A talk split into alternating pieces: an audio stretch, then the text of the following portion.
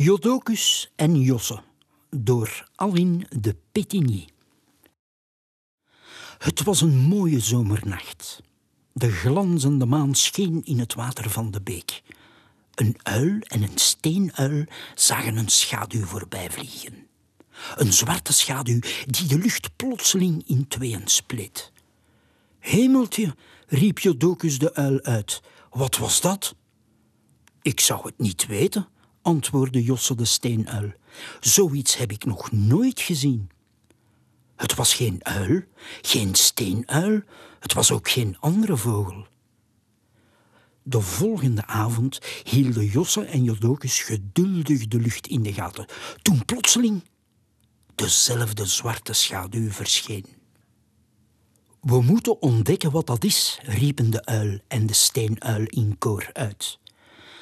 Het is geland in de ruïnes van het oude kasteel, waar wij altijd op de lekkerste muizen en de sappigste mollen jagen, mompelde Josse. Kom, dan gaan we een kijkje nemen. Misschien vinden we wel sporen. De twee vrienden vlogen samen weg en streken enkele seconden later neer op de hoogste toren van het kasteel. Oeh, oeh, riep Jodocus. Is daar iemand?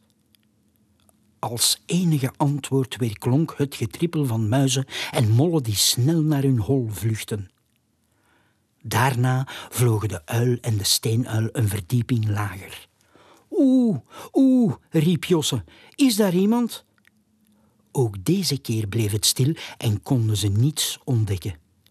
De twee vrienden speurden alle verdiepingen af. En na een kwartiertje kwamen ze in de kelders van het kasteel. Kijk, een stenen doodkist, riep Jodocus uit. Dat is toch niet zo gek? We zijn hier tenslotte in een kasteel. Snap je het dan niet? kraste de uil. De schaduw, de doodkist. Er zwerft hier een vampier rond. Maar Jodocus, vampiers bestaan toch niet? Dat weet jij net zo goed als ik. Kom, dan gaan we op jacht. Ik begin honger te krijgen. Voor ze wegvlogen, wierp de uil nog een laatste blik op de doodkist. Het was een vampier, dacht hij. Daar ben ik zeker van. De volgende avond speurden de twee vrienden opnieuw de hemel af. We zullen hem terugzien, daar ben ik zeker van, zei Jodocus. We zullen hem volgen en dan zul je wel zien dat het echt een vampier is. De steenuil haalde de schouders op en glimlachte in het donker.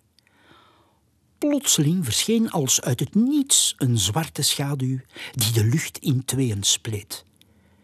Daar gaan we, riep Jodocus uit. De twee vrienden volgden de schaduw op veilige afstand. Toen ze bij het kasteel kwamen, volgden ze hem tot in de kelder. Zie je wel, fluisterde Jodocus, ik had gelijk. Josse werd een beetje ongerust. Een vampier is gevaarlijker dan een wolf en een vos tezamen, dacht de steenuil.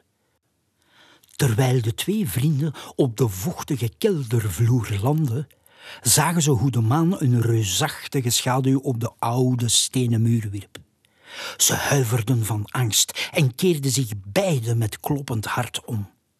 Zo snel ze konden vlogen ze naar hun boom. Het was echt een vampier, stotterde Josse. Je had gelijk. Wat verschrikkelijk. Ik ga nooit meer terug naar het kasteel. We moeten de anderen waarschuwen. Intussen hing in de kelder, vlak bij de stenen doodkist, een vleermuis ondersteboven aan een balk. Ze rustte uit van haar nachtelijke jachtpartij.